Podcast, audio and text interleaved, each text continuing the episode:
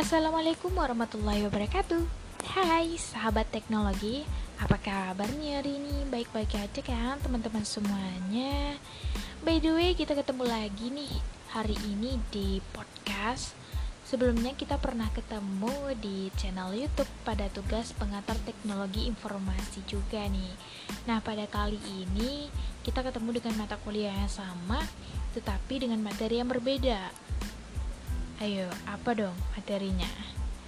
Iya, bener banget. Materi kita hari itu adalah Big Data. Oh iya, sebelumnya kita perkenalan dulu ya. Ada kata orang Melayu itu, tak kenal maka tak sayang. Tak sayang maka tak cinta. Lebih baik itu kita kenalan dulu supaya nanti uh, materi yang kita dapat hari ini tuh dapat dicerna dengan baik. Perkenalkan nama saya Noviana Ramadhani dengan NIM 21030200011 Fakultas Keguruan dan Ilmu Pendidikan Prodi Pendidikan Matematika Universitas Maritim Raja Ali Haji. Adapun dosen pengampu kami pada hari ini adalah Ibu Metaliana. Terima kasih Ibu yang telah memberikan kami tugas ini yang di mana nantinya kami bakalan mendapatkan materi yang mengenai big data dan dapat menambah pemahaman kami mengenai big data. Oh iya, ngomong-ngomong mengenai big data itu hmm, berkaitan nggak sih dengan smartphone kita yang kita gunakan sehari-hari itu?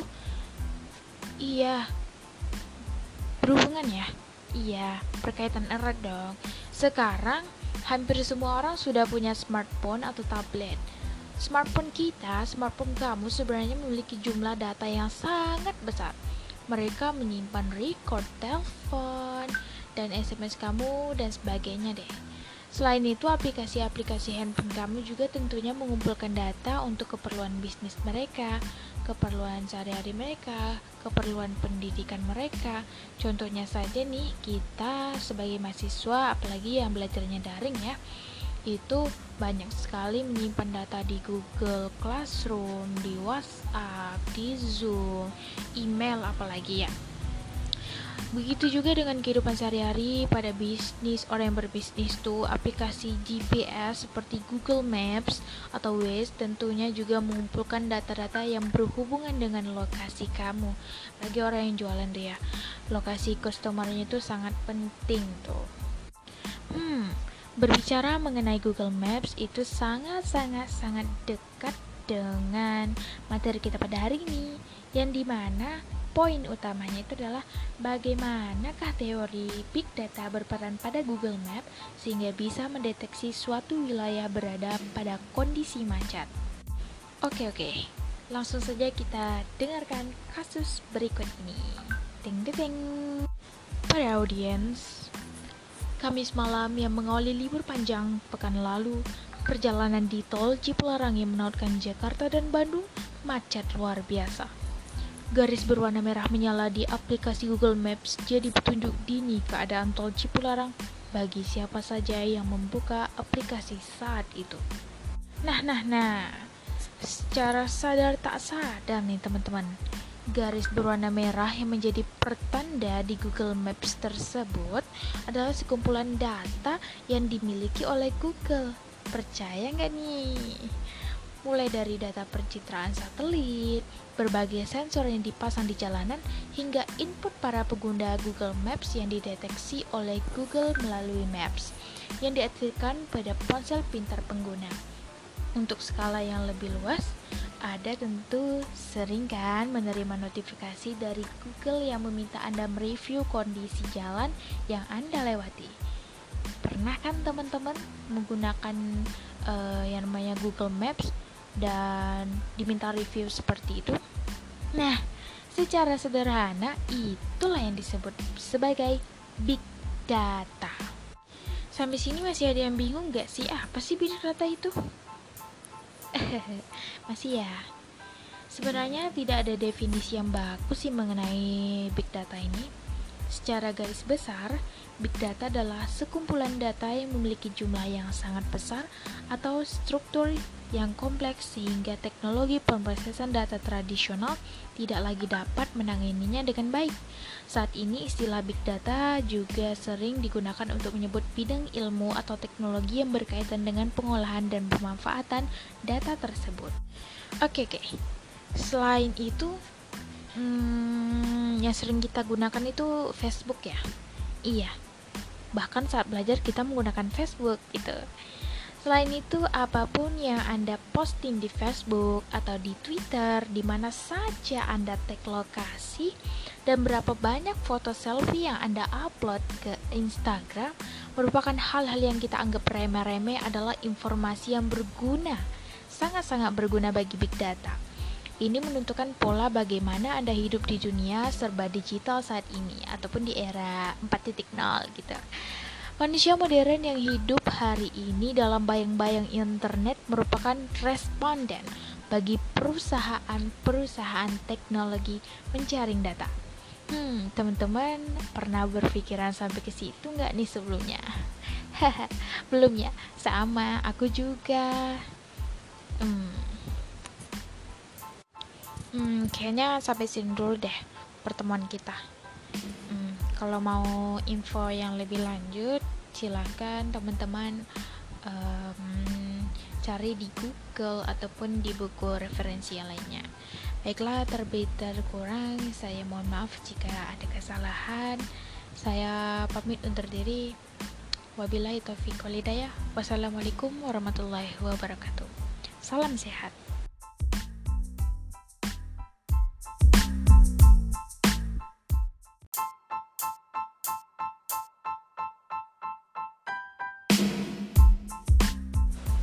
Assalamualaikum warahmatullahi wabarakatuh Hai sahabat teknologi Apa kabarnya hari ini? Baik-baik aja kan teman-teman semuanya By the way kita ketemu lagi nih Hari ini di podcast Sebelumnya kita pernah ketemu di channel YouTube pada tugas pengantar teknologi informasi juga nih. Nah, pada kali ini kita ketemu dengan mata kuliah yang sama tetapi dengan materi yang berbeda. Ayo, apa dong materinya? Iya, bener banget. Materi kita hari itu adalah Big Data. Oh iya, sebelumnya kita perkenalan dulu ya. Ada kata orang Melayu itu, tak kenal maka tak sayang. Tak sayang maka tak cinta. Lebih baik itu kita kenalan dulu supaya nanti uh, materi yang kita dapat hari ini tuh dapat dicerna dengan baik. Perkenalkan nama saya Noviana Ramadhani dengan NIM 21030200011 Fakultas Keguruan dan Ilmu Pendidikan Prodi Pendidikan Matematika Universitas Maritim Raja Aliaji. Adapun dosen pengampu kami pada hari ini adalah Ibu Metaliana.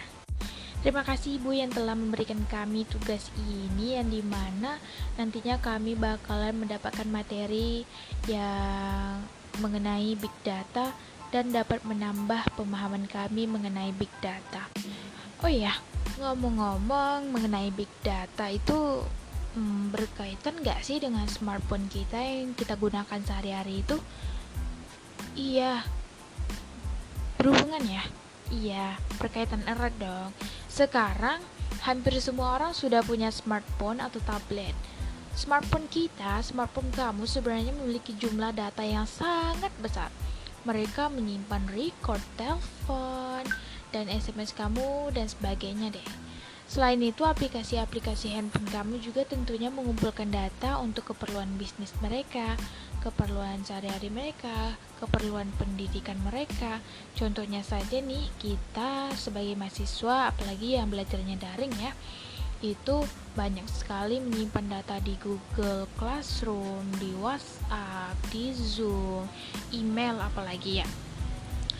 Begitu juga dengan kehidupan sehari-hari pada bisnis orang yang berbisnis tuh aplikasi GPS seperti Google Maps atau Waze tentunya juga mengumpulkan data-data yang berhubungan dengan lokasi kamu.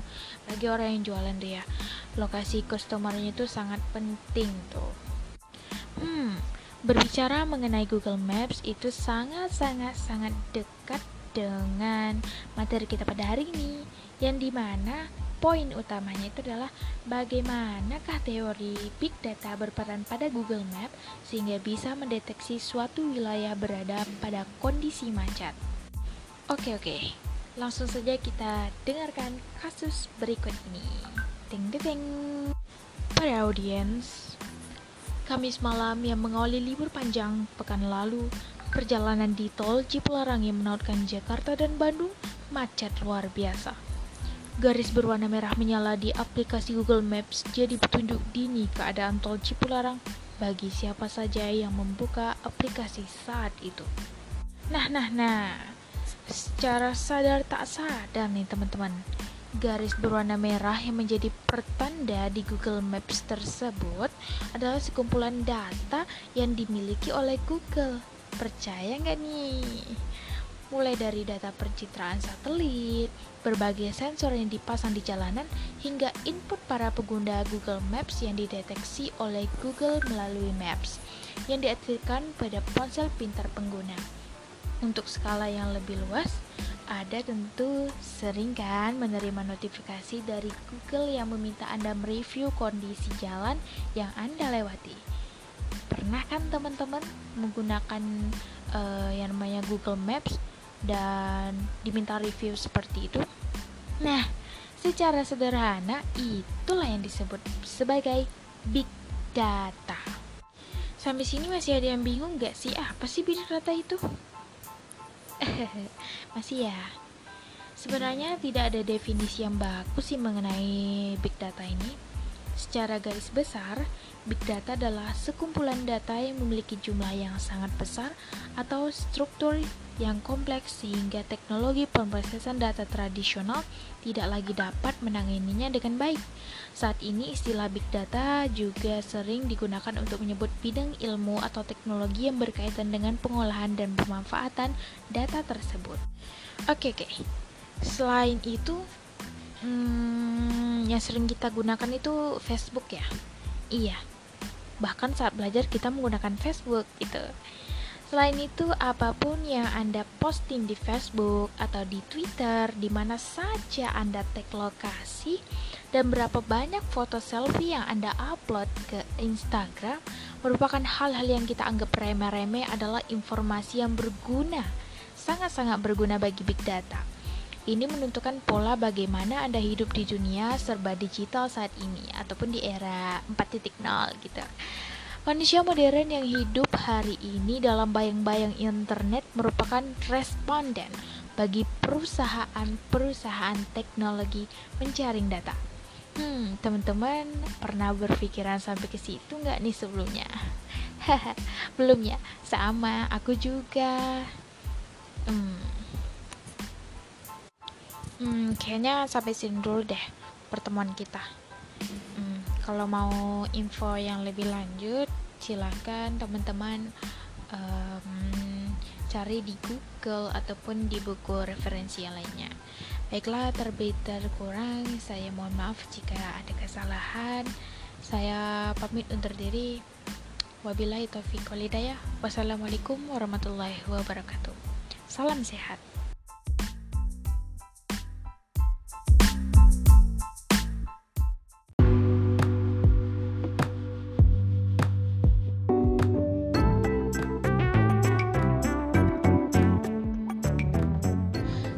Semuanya, Assalamualaikum warahmatullahi wabarakatuh. Perkenalkan nama saya Noviana Rahmadani. I'm student of University Maritim Raja Ali Haji Fakultas Keguruan dan Ilmu Pendidikan Prodi. Pendidikan Matematika dengan NIM 21030200011 Adapun tujuan saya untuk membuat podcast ini untuk memenuhi tugas mata kuliah pengantar teknologi informasi, dosen pengampu kami adalah Ibu Metaliana dengan topik bagaimana sih kesiapan kita sebagai generasi muda calon guru dalam menghadapi tantangan revolusi industri 4.0. Sebelum membahas itu lebih lanjut, kita harus tahu dulu nih, apa sih revolusi industri 4.0 itu? Dan kita juga harus tahu apa juga yang dimaksud dengan revolusi industri itu sendiri. Oke, lanjut ya. Revolusi industri itu adalah terjadinya perubahan secara besar-besaran di bidang pertanian, manufaktur, pertambangan, transportasi, dan teknologi, serta memiliki dampak yang mendalam terhadap kondisi sosial, ekonomi, dan budaya di dunia. Saat ini Indonesia sudah melewati empat tahap revolusi industri. Pasti teman-teman udah tahu semua ya kan? Yang pastinya diawali dengan revolusi industri 1.0 atau 1.0. Awal perkembangan revolusi industri adalah penemuan mesin uap pada abad ke-18. Selanjutnya, revolusi industri 2.0 atau 2.0. Ini adalah penggunaan mesin listrik dan ditemukan konsep standar standarisasi industri. Selanjutnya, revolusi industri 3.0 atau 3.0. Penggunaan teknologi informasi dan mesin otomatis contohnya komputer pertama kali dipakai saat Perang Dunia II.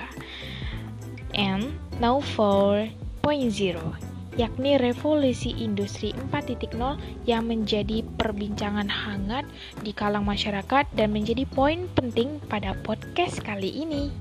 Revolusi industri 4.0 Cyber Physical Systems Internet of Things Networks Revolusi industri 4.0 yang mulai terasa sejak tahun 2011 ini adalah lompatan besar bagi sektor industri.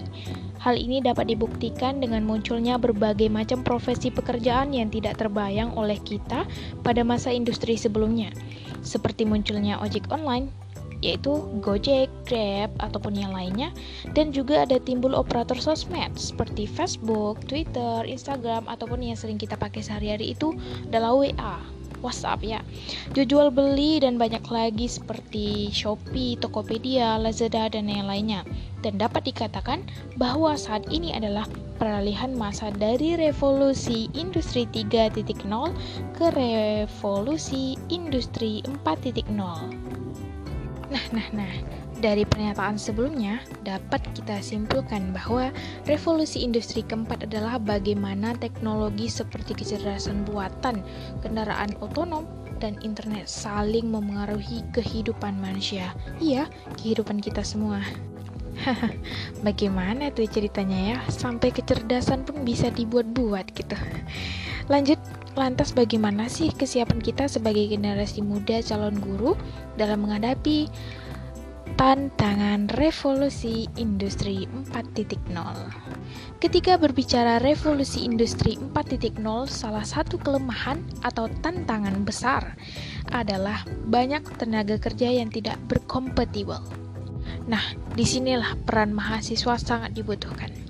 Manusia dalam kiprahnya menjadi instrumen penting dalam mengamalkan tridharma perguruan tinggi, yakni sebagai pendidik dan pengajar penelitian dan pengembangan serta pengabdian masyarakat.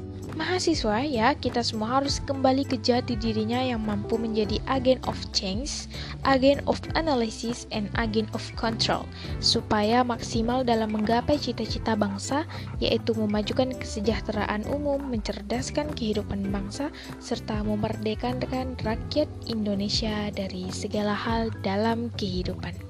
Untuk menjadi mahasiswa yang siap dan matang dalam menghadapi revolusi industri keempat ini, mahasiswa tidak boleh hanya menyerap ilmu dari dosen secara mentah saja di perkuliahan, namun mahasiswa juga perlu memiliki keterampilan lebih di luar kegiatan akademik. Seperti apa ya contohnya? Nah, seperti keterampilan berkomunikasi, public speaking, berorganisasi, dan yang lainnya. Masih banyak lagi. Hal ini bisa kita terapkan dari sekarang.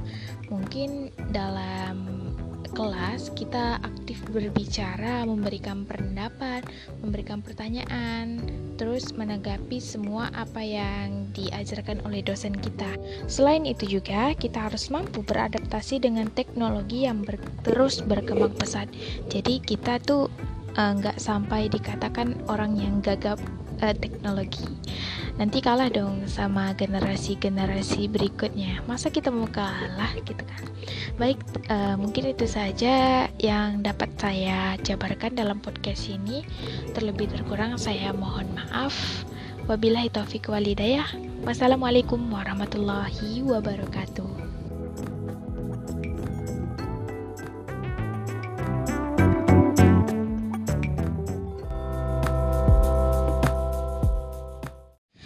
Halo semuanya, Assalamualaikum warahmatullahi wabarakatuh. Perkenalkan nama saya Noviana Rahmadani. I'm student of University Maritim Raja Ali Haji Fakultas Keguruan dan Ilmu Pendidikan Prodi.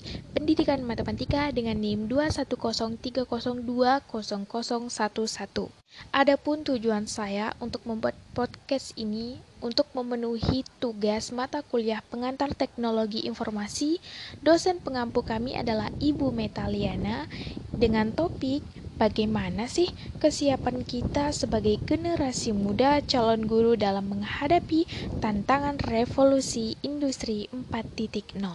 Sebelum membahas itu lebih lanjut, kita harus tahu dulu nih, apa sih revolusi industri 4.0 itu? Dan kita juga harus tahu apa juga yang dimaksud dengan revolusi industri itu sendiri. Oke, lanjut ya.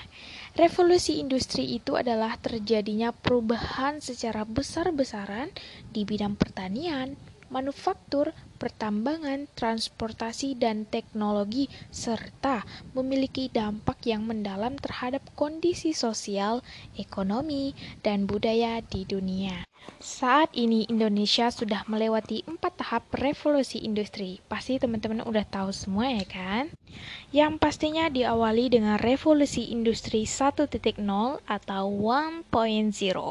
Awal perkembangan revolusi industri adalah penemuan mesin uap pada abad ke-18. Selanjutnya, revolusi industri 2.0 atau 2.0. Ini adalah penggunaan mesin listrik dan ditemukan konsep standarisasi industri. Selanjutnya, revolusi industri 3.0 atau 3.0. Penggunaan teknologi informasi dan mesin otomatis contohnya komputer pertama kali dipakai saat Perang Dunia II. And now for 4.0 yakni revolusi industri 4.0 yang menjadi perbincangan hangat di kalang masyarakat dan menjadi poin penting pada podcast kali ini. Revolusi industri 4.0 Cyber Physical Systems Internet of Things Networks Revolusi industri 4.0 yang mulai terasa sejak tahun 2011 ini adalah lompatan besar bagi sektor industri Hal ini dapat dibuktikan dengan munculnya berbagai macam profesi pekerjaan yang tidak terbayang oleh kita pada masa industri sebelumnya, seperti munculnya ojek online, yaitu Gojek, Grab, ataupun yang lainnya, dan juga ada timbul operator sosmed seperti Facebook, Twitter, Instagram, ataupun yang sering kita pakai sehari-hari itu adalah WA. WhatsApp ya. Jual beli dan banyak lagi seperti Shopee, Tokopedia, Lazada dan yang lainnya. Dan dapat dikatakan bahwa saat ini adalah peralihan masa dari revolusi industri 3.0 ke revolusi industri 4.0.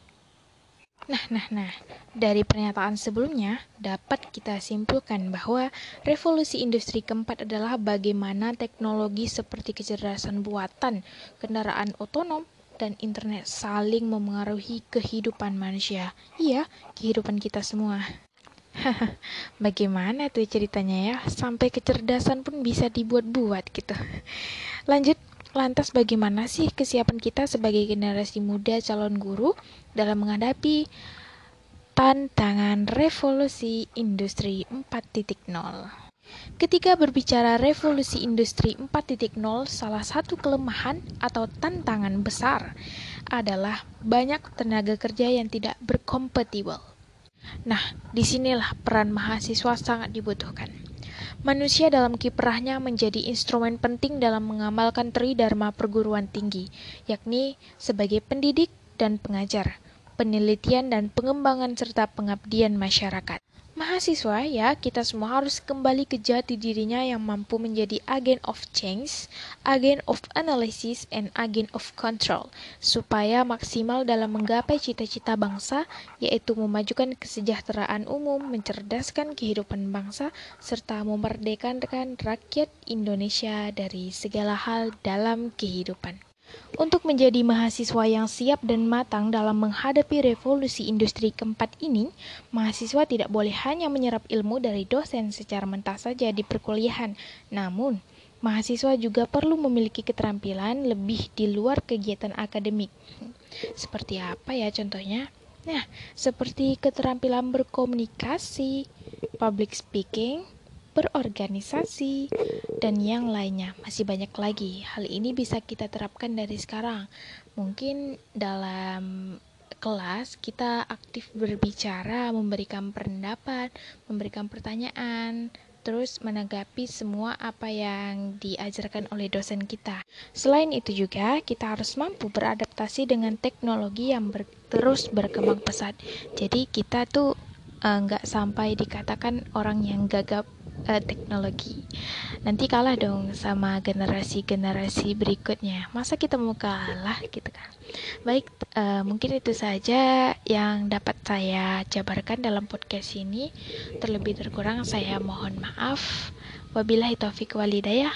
Wassalamualaikum warahmatullahi wabarakatuh.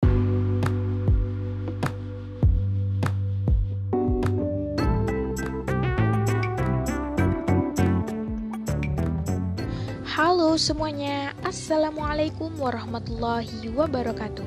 Perkenalkan nama saya Noviana Rahmadani. I'm student of University Maritim Raja Ali Haji Fakultas Keguruan dan Ilmu Pendidikan Prodi.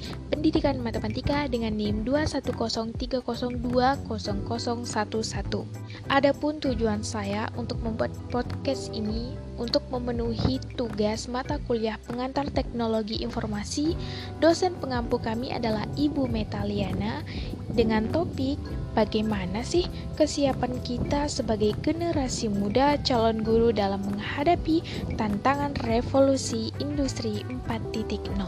Sebelum membahas itu lebih lanjut, kita harus tahu dulu nih, apa sih revolusi industri 4.0 itu? Dan kita juga harus tahu apa juga yang dimaksud dengan revolusi industri itu sendiri. Oke, lanjut ya. Revolusi industri itu adalah terjadinya perubahan secara besar-besaran di bidang pertanian, manufaktur, pertambangan, transportasi, dan teknologi, serta memiliki dampak yang mendalam terhadap kondisi sosial, ekonomi, dan budaya di dunia. Saat ini Indonesia sudah melewati empat tahap revolusi industri. Pasti teman-teman udah tahu semua ya kan? Yang pastinya diawali dengan revolusi industri 1.0 atau 1.0. Awal perkembangan revolusi industri adalah penemuan mesin uap pada abad ke-18. Selanjutnya, revolusi industri 2.0 atau 2.0. Ini adalah penggunaan mesin listrik dan ditemukan konsep standarisasi industri. Selanjutnya, revolusi industri 3.0 atau 3.0. Penggunaan teknologi informasi dan mesin otomatis contohnya komputer pertama kali dipakai saat Perang Dunia II. And now 4.0 yakni revolusi industri 4.0 yang menjadi perbincangan hangat di kalang masyarakat dan menjadi poin penting pada podcast kali ini.